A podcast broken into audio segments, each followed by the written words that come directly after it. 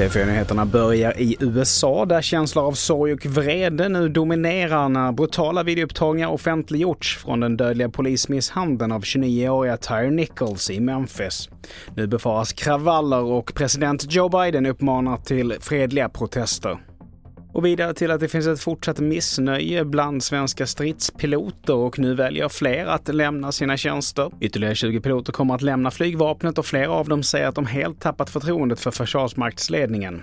Så här kommenterar ÖB Mikael Bydén. Det är inte så att staten är lönedrivande på något sätt eller löneledande utan vi ska ha konkurrenskraftiga löner och vi ska se till att vi är det vi ska vara och vi har en del att jobba med där. Och till sist, Sverige missar finalen i handbolls-VM efter en tung förlust mot Frankrike med 31-26. Och så här sa Lukas Sandell efter matchen. Jag är väldigt besviken. Man är ju helt tom inombords så svårt att sätta riktigt eh, känsla på vad man känner just nu. Man är bara ledsen. Nu väntar istället bronsmatch mot Spanien på söndag.